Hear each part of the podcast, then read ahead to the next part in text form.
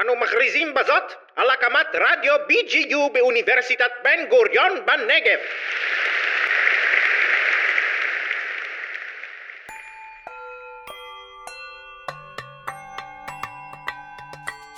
אפריקאסט, הפודקאסט של מרכז אפריקה באוניברסיטת בן גוריון, בהגשת שחר לבנה ותום לוי.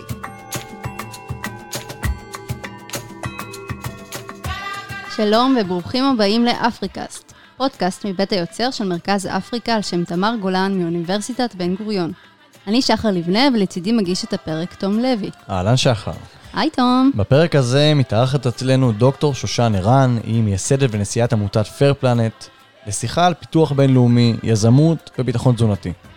נקשיב לסיפור מעניין שקרה לכם בפינת שמעו מה קרה לי באפריקה, ונעדכן בחדשות מהיבשת. אבל תחילה, קודם כל הכותרות, השבוע באפריקה. הבחירות באתיופיה, מפלגת השגשוג של ראש הממשלה המכהן אבי אחמד זכתה ב-410 מתוך 436 המושבים בפרלמנט. יחד עם זאת, בשלוש מחוזות באתיופיה לא התקיימו בחירות, הרר, סומלי וטיגרי. הבחירות התקיימו על רקע מלחמת האזרחים בין מחוז טיגרי לצבא אתיופיה, לחימה שהביאה לאלפי מתים, רעב ולעקירתם של כשתי מיליון אנשים. נמשיך לעקוב. אתגרים בדרך לאולימפיאדה. כוכבות המסלול ונבחרת נמיביה, קריסטין מבומה וביאטריס מסיליילי, שתיהן בנות 18, הגיעו השנה לארבעת מחמשת הנשים המובילות בעולם בריצת 400 מטר. הן היו במסלול מהיר למדליות אולימפיות, אך עלייתה נעצרה לפתע. על השתיים נאסר להתמודד במרוץ הנשים של 400 מטר במשחקי טוקיו, מאחר שרמות הטסטוסטרון הטבעיות שלהן גבוהות מדי. כעת הן נאבקות על זכותן להתחרות. מלכודת ייצוא של חומרי הגלם. מדינות מתפתחות רבות באפריקה תלויות בייצור חומרי גלם לא מעובדים, מה שמדלדל את משאביהם ומוביל אותם להתמודד עם אתגרים כלכליים המשמרים את אוכלוסייתן ענייה ופגיעה. כך על פי דוח חדש של האו"ם שהתפרסם בשבוע שעבר. בשנת 2019, שני שלישים מהמדינות העניות בעולם נלכדו בתלות בסחורות. כלומר, יותר מ-60% מהכנסות הייצור שלהם הגיעו ממכירות סחורות ראשוניות. קניה ביום שני הודיעה קרן אספינל על תוכנית שאפתנית מאוד להובלה של 13 פילי סוואנה שנולדו וגדלו בשבי ממקום מגוריהם בבריטניה לשמורת טבע בקניה. קרן הצדקה לחיות בר, שבו אשת ראש הממשלה הבריטי, קרי ג'ונסון, ממלאת בו תפקיד בכיר, אמרה כי זאת תהיה פעולה ראשונה בעולם להחזיר לפראיות הטבע את היונקים. אולם, באופן תמוה, פעולה זו לא תואמה עם רשות שמורות הטבע בקניה. רוצות להישאר מעודכנות תמיד? שלחו לנו את המייל שלכם בהודעה פרטית למרכז אפריקה בפייסבוק או באינסטגרם, ונדאג שכל שישי תקבלו את השבוע באפריקה, מגזין חדשות היבשת בעריכת תום לב. עולם ההתנדבויות באפריקה מציג לפנינו מציאות מורכבת. קשה לומר מה נכון ומה לא. איפה הגבול עובר? מתי אנחנו עושים יותר נזק מתועלת?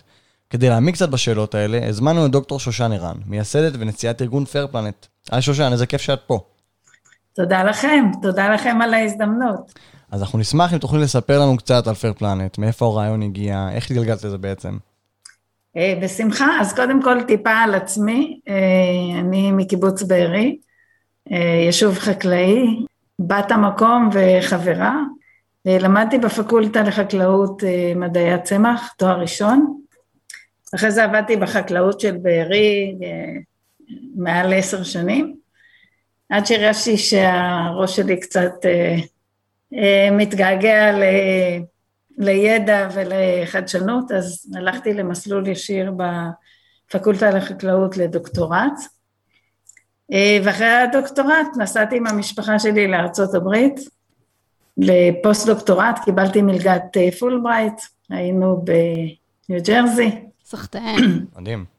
כן, אה, האמת שזו הייתה תקופה מאוד מרתקת, תרבות אחרת, עולם אחר, ושם בעצם העמקתי בכל הנושא של מדעי הצמח, ביוטכנולוגיה של צמחים בתחום הזה, וכשחזרתי לישראל קיבלתי הצעה מחברת הזרע, חברה לטיפוח זנים, בעיקר ירקות, אה, להצטרף לחברה ולנהל בשבילם את שיתופי הפעולה המחקריים שלהם עם גורמים חיצוניים, אוניברסיטאות, עם אה, חברות ביוטכנולוגיה, עם אה, חברות זרעים אחרות, ולהיות אחראית על הקניין הרוחני, שהוא מאוד משמעותי בחברות זרעים.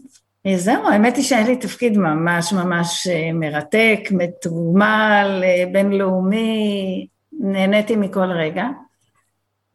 רק שבשלב מסוים התחלתי לחשוב קצת יותר בגדול על התמונה העולמית. מה שקורה, חברות הזרעים, הן בעצם מפתחות את הזרעים למגוון עצום של תנאים בעולם, והן עובדות מול חקלאים מתקדמים, חקלאים בעצם כמו חקלאים בישראל או באירופה או בארצות הברית, שבעצם חברות הזרעים עוסקות בעיקר בפיתוח הזנים, ואז הן מציגות אותם לחקלאים, אם זה במפגשים או באינטרנט או בימים פתוחים, והחקלאים מקבלים דוגמאות של אה, זרעים לנסות לבד בבית, ואם באמת התכונות של הזנים החדשים הם כמו שהחברה הצהירה והן באמת טובות לחקלאי, אז החקלאי קונה את זה בשנה אחרי זה.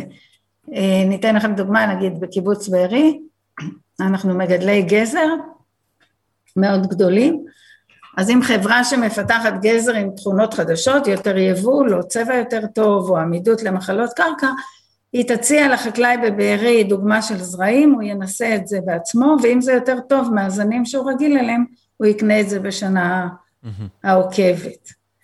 עכשיו, הזרעים הם בעצם הבסיס של המזון בעולם.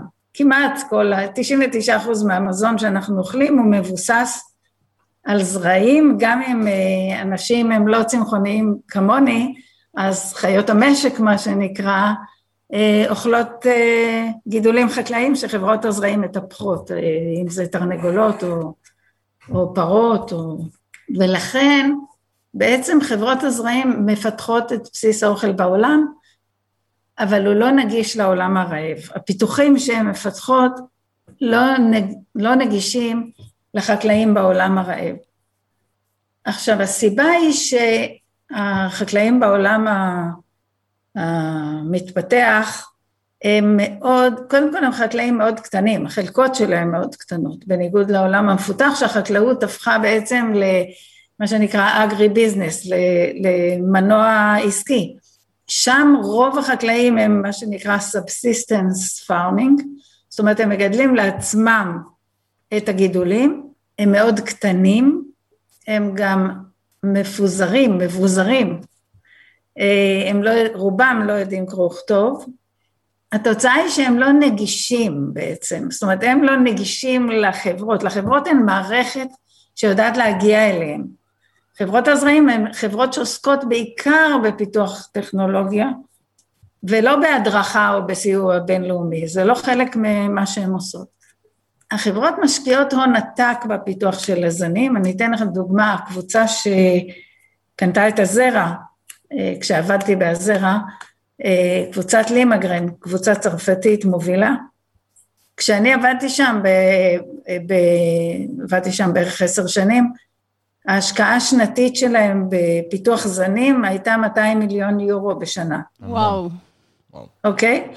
עכשיו, בערך 15% מהמחזור שלהם הם משקיעים בפיתוח, זו השקעה אדירה, וכתוצאה ממנה יש להם מגוון עצום של זנים, כי הם כן מפתחים למקומות גיאוגרפיים שונים בעולם, למקומות יבשים וחמים כמו הערבה בישראל או דרום צרפת, למקומות לחים וגשומים כמו במזרח אסיה, בווייטנאם או בתאילנד, ולמקומות קרים ו... אה, שאפילו קופאים בצפון אירופה או צפון אה, אמריקה. זאת אומרת, יש להם מגוון שלם של פיתוחים, אבל המגוון הזה הוא לא נגיש לחקלאים בארצות המתפתחות, ולכן זו אחת הסיבות שיש שם גם רעב וגם עוני. אז, אז על איזה זרעים בעצם הם מתבססים אה, בשביל החקלאות הקיומית שהזכרת? הם בעצם אה, מכל מיני מקורות, אם זה מקורות ממש מקומיים שהם נדירים, נגיד, אני אתן לך דוגמה את אתיופיה, אז יש כמה גידולים שהמקור שלהם הוא באתיופיה, כמו קפה, כמו טף, אז יש להם את, ה, את הזנים שהת, שהם אה, התפתחו שם, אבל למשל בעגבניות, באופן ספורדי הגיעו זרעים של עגבניות מאנשהו לאתיופיה, ואז הם, החקלאים הקטנים בעצם מרבים אותם לבד בחלקות שלהם, מה שגורם לירידה דרמטית באיכות שלהם מדור לדור, ואז התפוקה מאוד יורדת, וגם האוכלוסייה צומחת בקצב מטורף שם. אני אתן לכם דוגמה, כשהתחלנו לעבוד באתיופיה ב-2012, אה, אה, ממש כשהקמנו את העמותה, אז היו שם 94 מיליון אנשים, היום הם מדווחים על 120 מיליון אנשים. זאת אומרת, קצב גידול אוכלוסייה מהיר מאוד, מול ירידה בפרודוקטיביות או פרודוקטיביות מאוד מאוד נמוכה. אז בעצם מה שקרה, ובעצם זה קרה לי, אני לא יודעת איך אתם, אבל רובנו, כשאתה עובד באיזה מקום, וגם הייתה לי עבודה מאוד טובה, אתה רץ אחרי משימות שבועיות, חודשיות, רבעוניות, לא משנה. מה? חי את היום-יום שלך, כאילו, חי את המשימות. אתה חי את היום-יום, אתה עושה הכי טוב שאתה יכול בקונטקסט, בתפקיד שלך, אבל קשה להרים את הראש ולראות איזו תמונה רחבה. מה שקרה לי, אני נסעתי לחופשה עם המשפחה בהודו, אולי קצת בגלל שהודו היא בעצמה מדינה מתפתחת, אבל בעיקר אני חושבת שהמרחק והיכולת לחשוב, להתנתק, אה, אפשרה לי לראות את התמונה דווקא יותר ברור. ואז אמרתי לעצמי, אני עובדת ב, בתחום שהוא אחראי לפיתוח האוכל בעולם. התפקיד שלי היה מאוד רוחבי, בגלל שהייתי אחראית על שיתופי פעולה, אז הכרתי גם הרבה מאוד חוקרים ומומחים מחברות אחרות, מחברות זרעים אחרות. מבחינתי ישבתי על הפתרון, הבנתי שהבעיה של החקלאים בארצות מתפתחות שאין להם נגישות לפתרונות האלה ושצריך למצוא פתרון חדשני לגשר על הפער הזה. ומה שהיה צריך זה להמציא איזשהו גשר, לבנות איזשהו גשר שיאפשר לשני הצדדים להתחבר, שהחקלאים ידעו על האפשרויות האלה, במקרה, הדוגמה הראשונה היא הזרעים, שהם יוכלו לקנות אותם ולהשתמש בהם, ואז מהרווחים שהם יעשו, הם כבר יוכלו בהמשך לקנות אה, זרעים מחברות הזרעים, ואז הם כן יעניינו כלקוחות עתידיים את אה, חברות הזרעים. וגם חשוב להגיד שהגדילה של, ה... של הכסף של החקלאי, שהחקלאי עושה בעזרת הזרעים האלה הוא, הוא מדהים. פי שמונה תגיד, תום, אנחנו נגלה שהיית מתנדב אצלנו או שזה... בוודאי, רגע, זה disclosure שאני שומר קרוב. בסדר. אה, בקיצור, אני אה, אחזור טיפה אחורה, אז הרעיון הוא לבנות גשר כך שיהיה קשר ישיר בין החקלאים לחברות הזרעים, כמו כל החקלאים בעולם, לתת להם הזדמנות שווה, כמו לחקלאים בישראל, בארצות הברית ובאירופה. הדרך לעשות את זה היא צריכה להיות חדשנית, כי במונחי שוק זה לא קורה לבד. אז מה שאני בעצם אה, עשיתי, אני כמובן התייעצתי עם המון אנשים ו, ודיברתי על הרעיון הזה, ניסיתי לבנות מודל שיאפשר את הגשר הזה. ובסופו של דבר זה מה שעשינו בפייר פלנט, בעצם ייסדתי את פייר פלנט כדי לבנות גשר בין הזרעים הכי טובים בעולם ופתרונות חקלאיים אחרים שיתאימו להם לבין החקלאים העניים ביותר. והדרך לעשות את זה הייתה על ידי הקמת עמותה כי עמותה בעצם אה, מודדת את ההצלחה שלה לפי מספר האנשים שהיא הוציאה ממעגל העוני, ממעגל הרעב והעוני, והיא לא מודדת את זה בכלים כלכליים רגילים, שאז הם היו מפילים את כל המודל. זאת גם הסיבה שאנחנו עובדים עם מתנדבים, אוקיי? אז בעצם אנחנו כעמותה, מה אנחנו עושים? אנחנו עושים שני שלבים אה, מרכזיים. אחד, אנחנו עושים מבחני זנים. אנחנו אה, הרחבנו את שיתופי הפעולה עם מספר חברות זרעים. בהתחלה כמובן היה לי הכי נוח לדבר עם אנשים ש... אני מכירה, אז דיברתי עם אה, אה, מנהל מאוד בכיר בקבוצת לימגרן, שקנתה את הזרע, אמרתי לו שזה מה שאני רוצה לעשות, ושאלתי אותו שאלה מאוד פשוטה, האם הקבוצה תיתן לעמותה שאני אקים אה, גישה לזרעים שהם פיתחו ולידע שגלום בזרעים האלה. הייתה שיחה מאוד טובה, ואז הוא שאל אותי שאלה פשוטה, מאיפה יהיה לי כסף לפעילות? ואני מתוך אה, נאיביות אה, צרופה, אמרתי לו, מה זאת אומרת, לרעיון כל כך טוב, בטוח שיהיה אה, מימון, זה, זה מובן מאליו. ובזמנו הייתי בקשר עם איזה, קשר אימיילים עם מיליונרית באמריקה, הזכרתי את שמה, הוא בדק באינטרנט, בגוגל, התרשם שהיא רצינית, אני אמרתי לו שאני בקשר ראשוני איתה, ואז אמר, אוקיי, אז אנחנו אה, נשתף פעולה איתכם.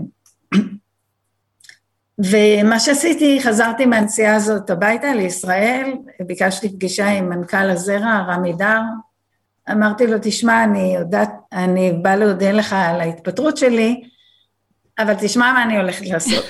בערך לקח 20 שניות להגיד לו שאני רוצה לסיים את העבודה, אבל תקשיב מה אני הולכת לעשות, וסיפרתי לו על הפגישה. זה בטח נורא מפחיד המהלך הזה, מהלך משמעותי. מאוד מפחיד, מאוד מפחיד, אבל לזכותו ייאמר שהוא גם כן התלהב, והוא בעצם נתן לי איזושהי אה, מסמך התחייבות מהזרע, מהחברה, שהיא תעמיד לרשותנו את הזרעים ואת הידע, וזה בעצם היה הקניין הראשוני, הקניין הרוחני הראשון שהיה לנו בתור אה, עמותה. על בסיס הנייר הזה באמת עזבתי את, אה, את החברה.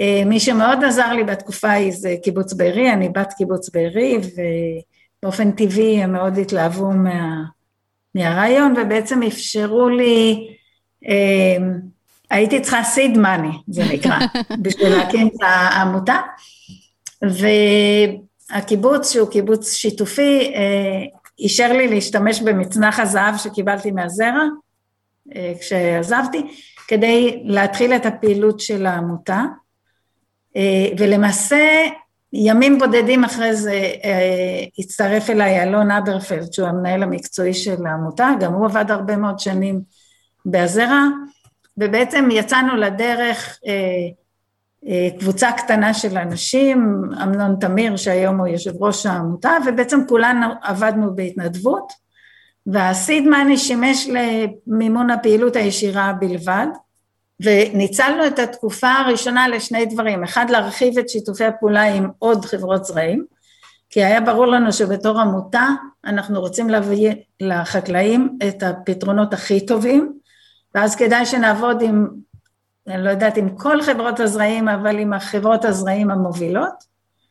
ובעצם היום אנחנו כבר עובדים עם שמונה חברות הזרעים הכי גדולות בעולם, מתוך, מהעשירייה הפותחת, ומתוקף השיתופי פעולה האלה, יש לנו נגישות כמעט לכל הפתרונות שהחקלאים האלה צריכים, כמו שאמרתי, לתנאים טרופיים וחמים, לתנאים קרים, לתנאים יבשים, לעמידויות נגד וירוסים ומחלות, ואז אנחנו עמותה לא גדולה, אבל עם נגישות אדירה למגוון עצום של פתרונות.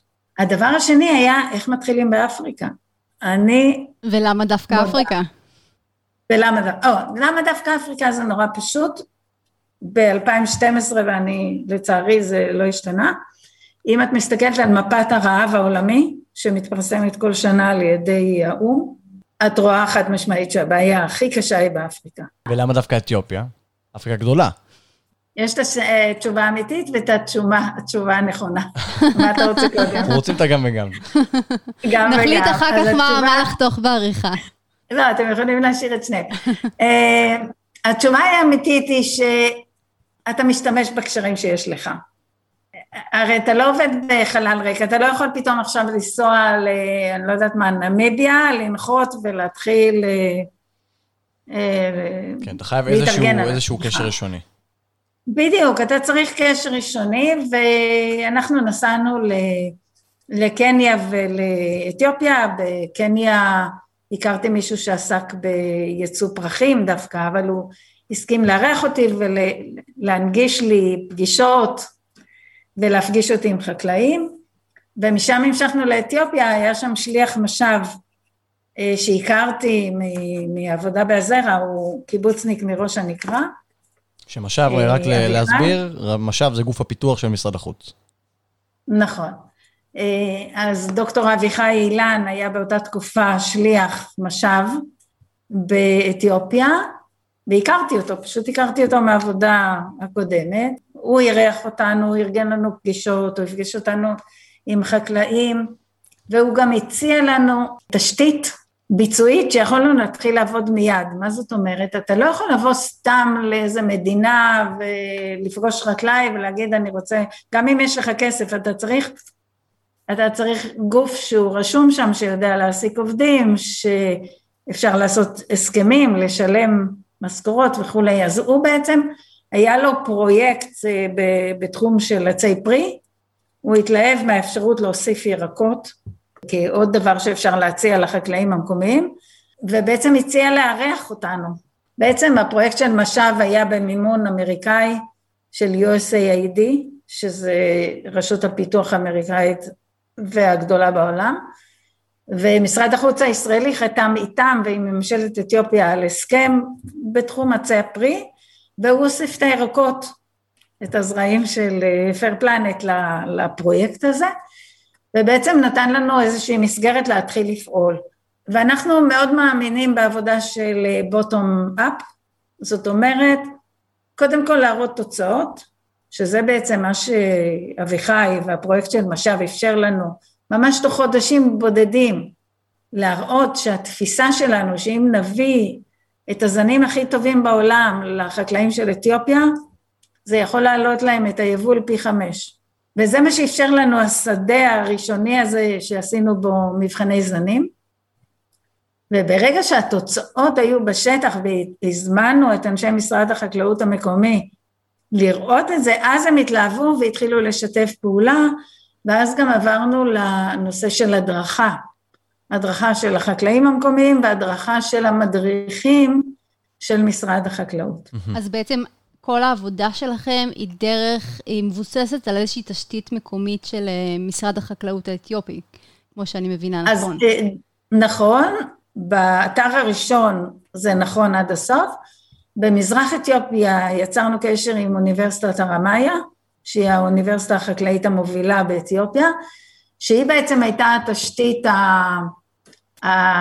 לביצוע הפרויקט באמצעות אה, חתימה על הסכם איתה, ובעצם כל שדות המחקר של... שלנו נמצאים תחת כנפי האוניברסיטה ועובדי האוניברסיטה. אז בעצם השותפים המקומיים נותנים לנו את התשתית ואת האנשים המקצועיים לעבוד איתם, וברגע שיש לנו זנים שמצאנו שמתאימים לאזור, וזה תהליך שלוקח שלוש שנים. אנחנו בודקים, עושים סריקה ראשונה, לוקחים את הזנים הכי טובים לעונה שנייה ואחר כך מנסים אצל החקלאים. רק אז אנחנו יודעים שמה שמצאנו מתאים באמת, אז אנחנו מתחילים הדרכה יחד עם משרד החקלאות המקומי. השאלה למה אתיופיה? כי פשוט זה היה אפשר. התשובה שאני יכולה להוסיף על זה, זה אתיופיה היא המדינה השנייה הכי אה, מאוכלסת באפריקה. הצורך בפתרונות לייצור מזון ולהוציא את החקלאים ממעגל העוני הוא, הוא אקוטי. יש שם 85 אחוז מהאוכלוסייה המקומית נשענת על חקלאות, יש שם 12 מיליון חקלאים קטנים, ופתרון מהסוג הזה יכול למנף אותם בצורה דרמטית קדימה. מעבר לזה, אני לא יודעת אם אתם מכירים, אבל האתיופים זה עם מאוד מאוד נעים לעבוד איתו, זה פשוט, אה, יש הבדלים תרבותיים מהותיים, נדבר על זה יותר כשנדבר על המתנדבים ועל הפעילות של המתנדבים. אבל מבחינת אנשים שנעים לעבוד איתם, לשוחח אותם, מסבירי פנים, זה באמת אה, תענוג. אז גם הצורך היה עצום וברור, גם אוכלוסייה מאוד מאוד גדולה וגם נעים לעבוד. מעבר לזה הם מאוד מאוד מעריכים את הישראלים ואת החקלאות הישראלית. אז יש שם, הם מקבלים אותנו בצורה מאוד אה, אה, טובה כמומחים חקלאיים, זאת אומרת, הם, הם מאוד מעריכים, אז, אז אה, זה שלל הסיבות. אבל עדיין יש, מרגיש לי שיש עדיין אתגר, אה, גם מהחוויה שלי וגם מתוך איזושהי הסתכלות עכשיו בדיעבד, יש אתגר מאוד גדול בלבוא, בלפתח איזשהו אזור שהוא מרוחק ממך. גם אם זה הרעיון הכי טוב בעולם, אנחנו עלולים לכתוב בכל רגע באיזה חטא של white savior. ופה, כאילו, מה הייתי רוצה לשמוח, לשמוע, מה חשוב לך אה, לומר לאנשים שמגיעים, באיזה גישה את מטמיעה עם העבודה, אה, עם האוכלוסייה. במיוחד למי שמעוניין להתנדב גם. כן. כן, אז אני אגיד מה חשבנו בהתחלה ומה אנחנו יודעים היום. בהתחלה חשבנו שבתור מומחים לחקלאות, שבאים מעולם הזרעים במקור וטכנולוגיות חקלאיות משלימות, אנחנו צריכים לגייס אנשי מקצוע חקלאיים. והיות ולא היה לנו כסף, אז אמרנו, אוקיי, אז נחפש מתנדבים שלמדו חקלאות, שיש להם ניסיון בחקלאות, או פנסיונרים, מושבניקים, קיבוצניקים עם ידע מעשי בחקלאות, וככה יצאנו לדרך. מה שגלינו תוך כדי תנועה, זה שבעצם מה שיותר חשוב מהידע בחקלאות, זה הגישה להדרכה והיכולת לגשר בין תרבויות. את הידע החקלאי, אנחנו אנשי מקצוע בעמותה, אנחנו פיתחנו פרוטוקולים, אנחנו יודעים להכשיר את המתנדבים, יודעים ללמד אותם ולתת להם את הכלים, וגם ללוות אותם מרחוק. אם יש בעיה שהם נתקלים בה והם לא יודעים את התשובה, אז קודם כל יש לנו רכזים מקצועיים בשטח שמלווים את קבוצת המתנדבים, ויש את, ה, את הצוות המקצועי בארץ ושולחים תמונות ומתייעצים, מקבלים תשובות. אבל היכולת להדריך, להעביר ידע, היכולת אה, לגשר על הפער התרבותי, מצאנו שהיא הרבה הרבה יותר חשובה מהרקע האגרונומי. ואחת הדוגמאות הכי טובות, הייתה לנו מתנדבת בשם סופי, mm-hmm. אתה הכרת אותה? הייתי יחד איתה, כן. אה, מעולה. אז סופי היא דוגמה נהדרת, כי היא, היא הגיעה לפר פלנט להתנדבות בגלל שהיא הכירה את הבן שלי, היא עבדה בהייטק בכלל. לדעתי היא אפילו לא ידעה איך להשקות עציץ, בחיי. כאילו, אני, באמת. אני, אני עד לזה. הייתה... אתה עד לזה. אני עד לזה והיא הגיעה והיא נהייתה תותחית. עכשיו, היא באה פשוט עם, עם רצון ותשוקה להדריך ויכולת להתחבר תרבותית לאנשים שם.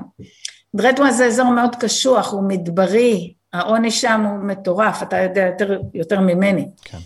התנאים קשים, המתנדבים נוסעים 40 דקות לחקלאי אחד ואחר כך מתגלגלים עוד 30 דקות לחקלאי אחר ואחר כך מאוד מאוד קשה. והיא ידעה לגשר ולצחוק איתם ולהסתכל עליהם בגובה העיניים ולסחוף אותם בהתלהבות שלה ולעבוד עם המדריכים המקומיים גם אם הם היו פחות נגישים, היא פשוט, היה, הייתה לה יכולת בין אישית מדהימה, ובסוף התקופה מוחמד שהיה מנהל ההדרכה של כל האזור של דירדאווה, איש יקר ובאמת הרבה מההצלחה של הפרויקט היא בזכותו. לגמרי. אמר להם, אמר לנו, תביאו לי עוד סופים, עוד סופיס. כאילו, כי בעצם מה שחשוב זה לעבוד איתם בגובה העיניים, לא להתנשא, לכבד אותם. אתה יודע בטח יותר דוגמאות ממני, אני פשוט שמעתי סיפורים, אבל לצורך העניין, מתנדב קבע פגישה עם המדריך החקלאי בתשע בבוקר, לצאת לביקורים בחמישה כפרים. המתנדב נמצא בדקה לתשע במשרד החקלאות ומתחיל לחכות. והוא מחכה, והוא מחכה, והוא מחכה, ובמקרה הטוב המדריך החקלאי מגיע בעשר וחצי. במקרה הטוב. עכשיו, אם, במקרה הטוב. כן, כן. ואז הוא אומר שיש פאנצ'ר ברכב בכלל. וצריך לתקן את הפאנצ'ר, אבל המוסך אה, יצאו להפסקת קפה, אני לא יודעת. בקיצור, יוצאים, יוצאים ב-11 וחצי לשטח. עכשיו, יש מתנדבים שזה יוציא אותם מדעתם. אני באתי מישראל, אני משקיע את כל כולי, ואתם עושים ממני צחוק? קבענו בתשע ואחת עשרה וחצי רק יוצאים לדרך? הגישה הזאת לא עובדת באתיופיה. כמו שאמרו המתנדבים הראשונים שלנו, לנו יש שעונים ולהם יש זמן. כל, כל תפיסת הזמן שם היא שונה, זו תרבות אחרת לגמרי. אם אתה לא יודע לעבוד עם זה, אז אתה לא מתאים להתנדב בפייר פלנט. עכשיו אנחנו בתהליכי גיוס ומיון של מתנדבים, אנחנו מאוד מאוד מתעכבים על הנושא הזה של גישור בין תרבויות ונותנים דוגמאות, אבל בסוף המבחן הוא בשטח, אם אתה יודע לעבוד. הרבה מהחבר'ה שהצליחו אצלנו הם בכלל באו מרקע של הדרכה בתנועות נוער או בצבא או בדברים כאלה, והאגרונומיה זה לא, זה לא מדע טילים, אוקיי? זה לגדל צמח, להשקות אותו בזמן, לדשן, אם יש מחלות, יש לך מישהו שעוזר לך לזהות אותם ולטפל בהם. אני לא רוצה להקטין את זה, אבל אני אומרת שהגישה הבין אישית והיכולת לכבד אותם היא פי אלף יותר חשובה מאשר אה, אם אתה יודע להשקות את העציצים שלך או אם עבדת באיזשהו שדה וכתבת אגסים באיזשהו מקום אה, בארץ. מילים חשובות. הזכרת מקודם שבאמת המטרה היא לעבוד במקומות אה, יחסית מאוד עניים, שיש שם בעיה של רעב. ואותי מעניין גם לשמוע כמה חקלאים כבר היו שותפים בתוכניות שלכם. ו- ואיך משכפלים או יוצרים אה, תוכניות דומות כדי להתמודד באמת עם, ה- עם שני היעדים בעצם הראשונים של האו"ם בתוכנית לפיתוח, אה, שזה גם מיגור הרעב וגם אה, הפסקת העוני. אמ, נתחיל מהתוצאות. בתור אנשי זרעים, בעבר, אנחנו ידענו שזרעים זה המפתח הכי חשוב להצלחה של החקלאי, בכל מקום בעולם דרך אגב, לא רק ב, במדינות מתפתחות. לשמחתנו ב-2017 האו"ם הוציא דוח גדול בנושא פיתוח בינלאומי וקבע בין היתר שזרעים זה התשומה הבודדת הכי חשובה להצלחה של החקלאי, מה שמאוד מחזק את המודל שיצאנו איתו לדרך. אנחנו בשלב הראשון, כמו שאמרתי, אנחנו בודקים איזה זנים מתאימים לכל אזור ואזור, אבל גם איזה זנים מתאימים ליכולות הכלכליות והטכניות של החקלאי המקומי. זאת אומרת, אם הם חורשים את הקרקע שלהם בשברים ומשקים בתעלות, אז אנחנו בודקים את הזנים בתנאים האלה, כי המטרה היא שזה יתאים להם בכפרים שלהם. ואחרי שאנחנו מוצאים איזה זנים מתאימים, אנחנו יוצאים להדריך אותם בכפרים שלהם, למרות שכמו שאמרתי קודם, אתה לפעמים נוסע 40 דקות בשביל להגיע לחקלאי, ואחר כך עוד, עוד חצי שעה לחקלאי אחר, וזה לא פשוט.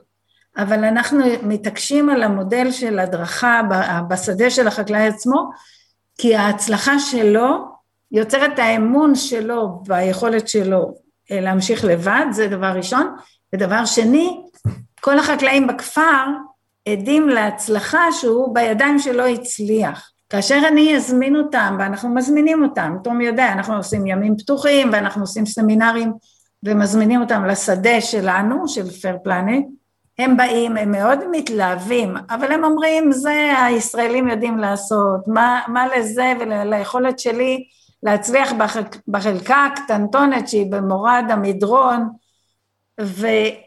ובקיצור, אנחנו, כן יש לנו שדה מודל, כי אנחנו שם מראים להם שיטות אה, יותר טובות לגידול ומדגימים כל מיני טכנולוגיות וזה מאוד חשוב, בייחוד שהכוונה שלנו להביא להם עוד טכנולוגיות בהמשך, משלימות. אבל אנחנו יודעים בוודאות שרק אם הם יצליחו בכפרים שלהם, יש תוחלת לפרויקט הזה, כי רק ככה זה יתפשט הלאה. ובאמת, שאלת על מספרים. אז אנחנו הדרכנו עד היום ביותר מ-70 כפרים באתיופיה, בשלושת האזורים, אה, והדרכנו, אנחנו קוראים לזה חקלאים מובילים, 2,360 אה, חקלאים מובילים, בערך בין חמישה לעשרה חקלאים בכל אה, כפר, משהו כזה, לפעמים יותר, לפעמים פחות. שזה לא כולל את אנשי, לא כולל את אנשי משרד החקלאות אה, של אתיופיה, שהם גם נכון. בעצמם נכון. מפעילים ומפיקים את הידע הזה. בדיוק, אז זה בדיוק הפואנטה. תוך כדי זה שאנחנו מדריכים את החקלאים בשדות שלהם, אנחנו משיגים שני דברים. אחד זה הצלחה של חקלאי מוביל בכפר שלו, קודם כל הוא בונה את האמון שלו בעצמו, ביכולת שלו, וב' כל החקלאים סביבו אומרים וואלה זה באמת באמת אפשרי, אבל באותה נשימה אנחנו מכשירים את המדריכים החקלאים של משרד החקלאות לעבוד במתודולוגיה שהיא בעצם מתודולוגיה ישראלית. אם אתם, אני לא יודעת כמה אתם יודעים, אבל בשנות החמישים כשהייתה עלייה המונית מהרבה מאוד מדינות והמדינה ישבה, אנשים שמעולם לא עסקו בחקלאות, ישבה במושבים ובקיבוצים, אז ההדרכה החקלאית הייתה בדיוק ככה, כשאני עבדתי בשדות בבארי היה מגיע כל שבוע מדריך ממשרד החקלאות ללמד אותנו בשדות של בארי. משירות ההדרכה והמקצוע. או בשדות של המושבים. בדיוק שם, שלצערי עכשיו הוא מאוד אה, אה, הצטמצם. אנחנו בעצם לקחנו מודל שעבד בישראל והפעלנו אותו באתיופיה ואנחנו רואים שמה שקיווינו שיקרה באמת קורה. אנחנו הדרכנו 2,300 אה, חקלאים, אבל בעצם ההשפעה עברה ל-75 אלף חקלאים, כי זה החבר'ה שבכפר, וכמו שתום אמר, אנחנו מדריכים את המדריכים, המדריכים ממשיכים להדריך גם בלעדינו, והם עוברים לכפרים אחרים, זאת אומרת אנחנו לא מגיעים לכל הכפרים. יותר מזה, באזור אה, בוטג'ירה, שזה אזור אחר אה, במרכז אתיופיה, אנחנו למעשה הגענו למצב שתוך ארבע שנות הדרכה, 90 אחוז מהחקלאים של כל האזור עברו לשימוש בזרעים מקצועיים ובשיטות גידול מתקדמות, בשיטות, בידע מתקדם. שיטות הגידול הן מאוד אה, מסורתיות, אבל עם הרבה מאוד ידע. וברגע שמערך ההדרכה המקומי בבוטג'ירה עבר, השלמנו את ההכשרה שלו, ו-90% מהחקלאים עברו לגידול אה, מקצועי, אנחנו עזבנו את האזור, כי אין לנו סיבה להישאר מעבר לזה. זאת אומרת, כל המודל של פייר פלנט, כמו שאמרתי בהתחלה, הוא לבנות גשר בין אלה שפיתחו את, ה, את הפתרונות, שזה חברות הזרעים במקרה הזה, לבין החקלאים הקטנים, והחקלאים הקטנים ברגע שהם יודעים על הזנים האלה ויודעים לגדל אותם ולהרוויח מהם כסף, הם ממשיכים בלעדינו על בסיס כלכלי. הם מרוויחים את הכסף, הם כבר לא צריכים אותנו. כלומר, הם יכולים לרכוש את הזרעים האלה בעצמם אחר כך. לגמרי, אנחנו, אז שאלת אותי על מספרים, אז 75 אלף חקלאים.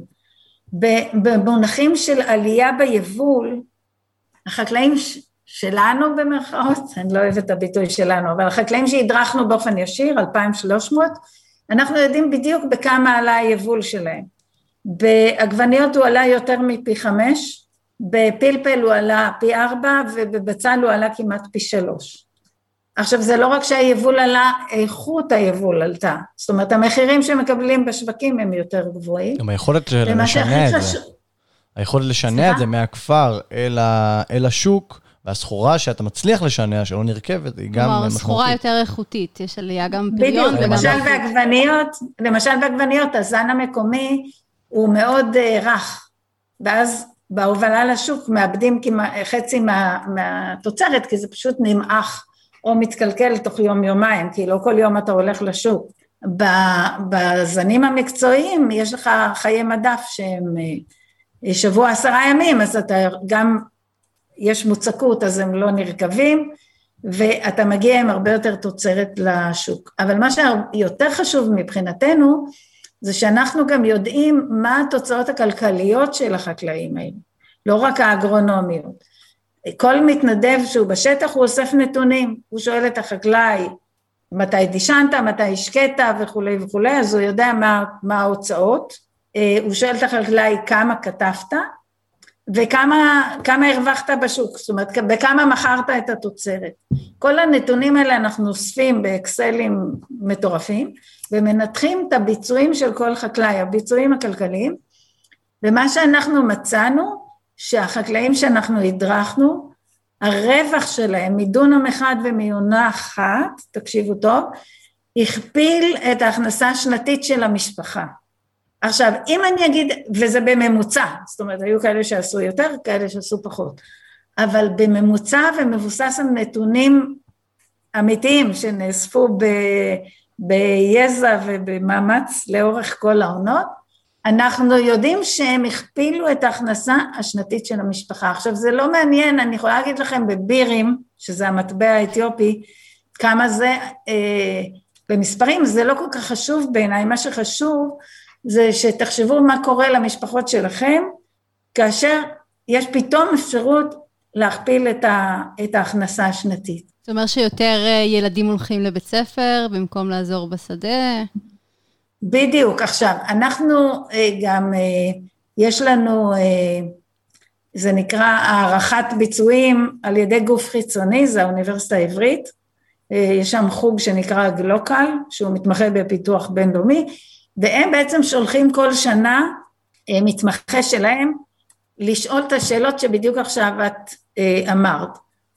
כמה, האם החקלאים אה, מצליחים לפתוח חסכונות בבנק, כמה מהילדים הולכים לבית ספר, מה, אה, מה ההשפעה של הפרויקט על התזונה של הילדים ושל המשפחות וכולי וכולי.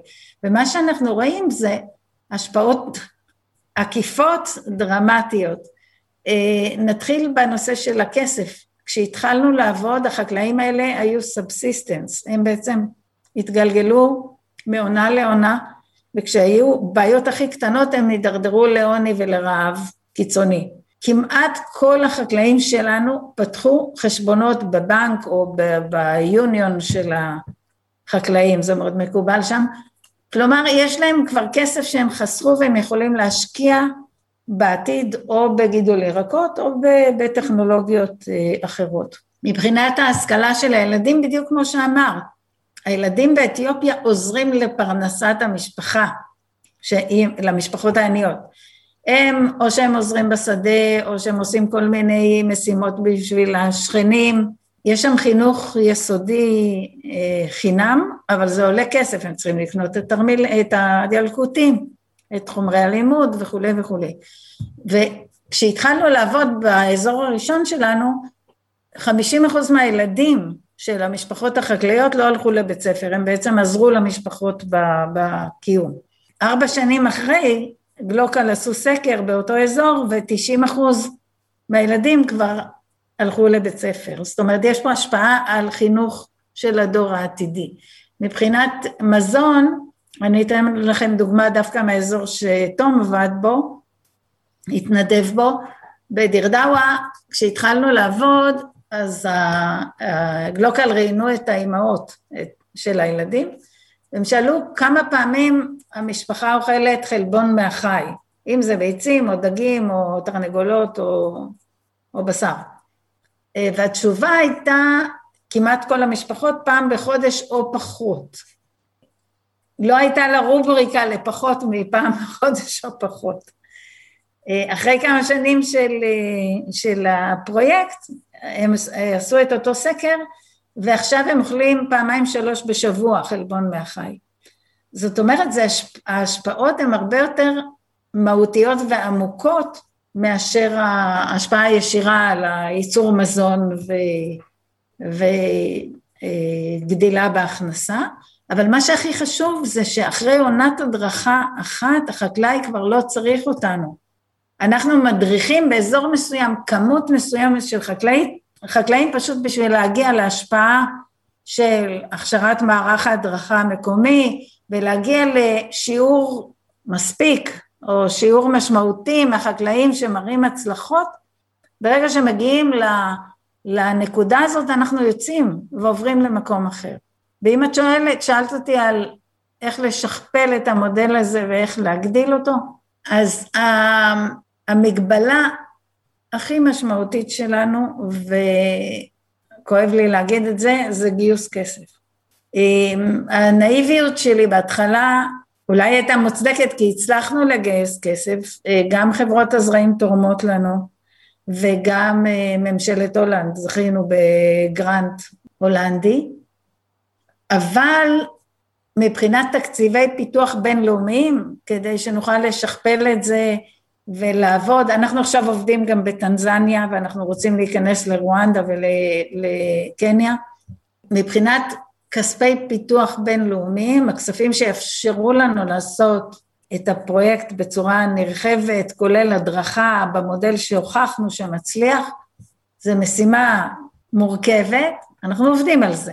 אז אה, אם יש מישהו ששומע אותנו ויש לו אה, קרן השקעות אה, כבדה כזאת בבנק, אתם יודעים למי לפנות אחר כך. בדיוק, או סתם שהוא רוצה לעשות טוב בעולם. סתם, גם, גם, גם תרומה קטנה זה טוב. כן, בדיוק. אז, אז זה דבר אחד. דבר שני זה מתנדבים. כרגע זה לא המגבלה שלנו, כי כרגע דווקא בזמן קורונה יש לנו המון פניות של מתנדבים, אבל אנחנו תמיד צריכים עוד. היו לנו עד היום מעל 160 מתנדבים, אה, המתנדבים באים למינימום תקופה של שלושה חודשים, אנחנו בעצם עובדים במודל שעד שהמתנדב מגיע לארץ היעד, אם זה אתיופיה או טנזניה, הוא משלם את העלויות מכיסו, אנחנו מכסים את כל העלויות ברגע שהוא נחת בשדה התעופה המקומי, ומי שמסיים את ההתנדבות שלו, את ההתחייבות לשלושה חודשים, אנחנו מחזירים לו חצי מעלות כרטיס הטיסה. זה המודל שאנחנו עובדים. אמ, יש הרבה מתנדבים שמעריכים את תקופת ההתנדבות, אני חושבת שתום יכול להעיד יותר ממני, אבל אנחנו שומעים הרבה מאוד מתנדבים שזה חוויית חיים ייחודית שממש השפיעה עליהם. חוויה משנת חיים אה, אפילו. גם משנת חיים, חלק בכלל שינו כיוון של לימודים אקדמיים והלכו ללמוד חקלאות, חלק עברו לפיתוח בינלאומי, אבל גם מי שזה לא השפיע עליו בצורה כזאת דרמטית, זו חוויה מאוד מאוד ייחודית, והסיבה שכשאתה מטייל בעולם כתייר, אתה בעצם בעצם אתה כל הזמן קונה שירותים, אתה בא לבית מלון, אתה הולך למסעדה, אתה משלם לנהג מונית או לנהג אוטובוס, אין לך אינטראקציה אמיתית עם האנשים המקומיים. זה אינטראקציה של תייר ומארח לצורך העניין. מה גם שהרבה מקומות בכלל הם לא מקומות תיירותיים, המקומות שעובדים בהם. נכון, אבל המתנדבים שלנו הם חיים עם הקהילה, הם מכירים את המשפחות, הם מכירים את הילדים, הם מכירים את התרבות, האירוח המטורפת של, ה, של האתיופים. הם חווים את החיים האמיתיים, תרבות אחרת בצורה עמוקה, וכמו שאמרת, משנת חיים, ולא כמו אורח לרגע ש, ש, שבא תואם, רואה והולך, אלא זה באמת חוויה יחידות, ייחודית, אני מוכרחה להגיד שאני לא זכיתי לה, כי אני, כן, אני באה רק לביקורים הקצרים, התפקיד שלי הוא אחר, אבל הייתי מתה להיות במקום כזה שאתה פשוט חי עם הקהילה, אפילו בביקורים הקצרים שלי בזכות המתנדבים, הכרתי קצת את התרבות המקומית, כי המתנדבים כבר ידעו לאן לקחת אותי ולהפגיש אותי עם אנשים שכבר הם מכירים אותם, אבל אני מקנאת במתנדבים, כי אין לי את החוויה של באמת לחיות ולעבוד עם הקהילה המקומית. טוב, אני חושב ש... שאנחנו נסיים כאן, וחשוב לי אולי איזה מסר לסיום כזה ממך, לגבי כל מי שמתעניין בפיתוח בינלאומי, ו... וכזה משהו שמע עכשיו מדליק פה איזשהו, איזושהי אש. התחלת את השיחה בביטוי שבאנגלית קוראים לו do no harm, אה, לא לעשות נזק, זה מונח, אני לא באה מרקע של פיתוח בינלאומי. אני פשוט אשת מקצוע שהבינה שהיא יושבת על, על הפתרון ויש לה את הנטוורק ואת ההזדמנות אה, ואת האפשרות אה, לקפוץ לבריכה ריקה ולהתחיל מין פרויקט כזה. Mm-hmm. אז לא הכרתי את המונחים האלה של do no harm, ואתה יודע, יש פילוסופיה שלמה סביב, אה, סביב הפיתוח. מה שאני יכולה להגיד ש... היתרון של הפרויקט שלנו זה שאנחנו מביאים פתרון אמיתי שמתאים לחקלאי המקומי והוא יכול להמשיך הלאה בלעדינו ואנחנו מכשירים את המערכת המקומית והיא ממשיכה בלעדינו. הפרויקטים שהם בעייתיים הם אלה שמביאים טכנולוגיה שהיא לא, מתאים, היא לא, לא מותאמת mm-hmm. למקום, היא יוצרת גירוי ראשוני אבל ברגע שהגוף שהביא אותה הולך, היא בעצם נשארת אה, אה, כאיזשהו, אה, קוראים לזה בתי קברות. ובתי קברות של כל מיני טכנולוגיות שבעצם כל עוד הגוף שהביא אותם היה פעיל ודחף ו, והנגיש אותם, אז הייתה התלהבות. ברגע שההתערבות הפסיקה, אז בעצם זה דעך. דוגמת... אה, בפרויקט שלנו, זרעים, אני חוזרת לבסיס, הם בסיס ייצור האוכל בעולם, וברגע שיודעים לעבוד איתם, הם נותנים רווח כלכלי. וכל מה שאנחנו רצינו, זה שלחקלאים במדינות מתפתחות, וכרגע אנחנו באתיופיה ובטנזניה, ומקווים להתרחב לעוד מדינות, ברגע שהחקלאים האלה לומדים לעבוד איתם, הם מרוויחים כסף כמו כל חקלאי בעולם, ויכולים להמשיך בלעדינו, ולא נוצרת תלות. אנחנו נותנים להם הזדמנות שווה, ואני חושבת שזו העוצמה, העוצמה של הפרויקט הזה. תודה רבה, זה באמת מעורר הרבה מאוד השראה, ואנחנו מקווים שתמשיכו להתרחב ולעשות טוב בעולם הזה. תודה לכם. תודה.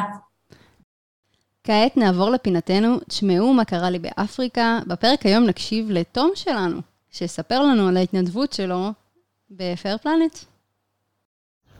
אז כשאני הייתי באתיופיה והייתי נוסע אה, לכפרים שנמצאים ממש שעתיים בתוך שטח, בתוך מדבר, הג'יפ, שמן הסתם לא היה ג'יפ אה, חדיש במיוחד, היה נתקע כמעט בכל נסיעה שנייה, וכל פעם היינו מוצאים את עצמנו תקועים במקום אחר, נטוש לגמרי, מדבר סביב, וזה היה מביא חוויות אה, סופר מוזרות. פעם אחת אה, נתקענו, והייתי צריך לטפס על הר כדי להשיג קליטה, כדי להודיע בכלל שנתקענו, וכשהגעתי לפסגה של ההר, התחיל לרדת גשם, ובאותו זמן בדיוק, המכונית בדיוק הניעה. ואז אני רואה מהלמעלה של ההר את המכונית שבלב מדבר שוב, מתחילה לנסוע, ואני שוקל את האפשרויות, האם אני מנסה לרדת בזמן גשם או שאני פשוט מחכה שם. ובסופו של דבר הייתי צריך להתגלת של הטוסיק לאורך הר שלם, מה שללא ספק השאיר צלקות אה, הן בנפש והן בגוף. תודה על השיתוף, תום. קרה לכם משהו מטורף ביבשת ובא לכם לחלוק? מוזמנים לשלוח לנו הודעה קולית בפייסבוק או באינסטו של מרכז אפריקה, ואולי נשדר אתכם בפרק הבא. תודה רבה לכל מי שהיו איתנו היום. תודה רבה לדוקטור שושנה רן, תודה לתום. תודה שחר. ותודה למאזינות והמאזינים היקרים. שערו איתנו גם לפרק הבא.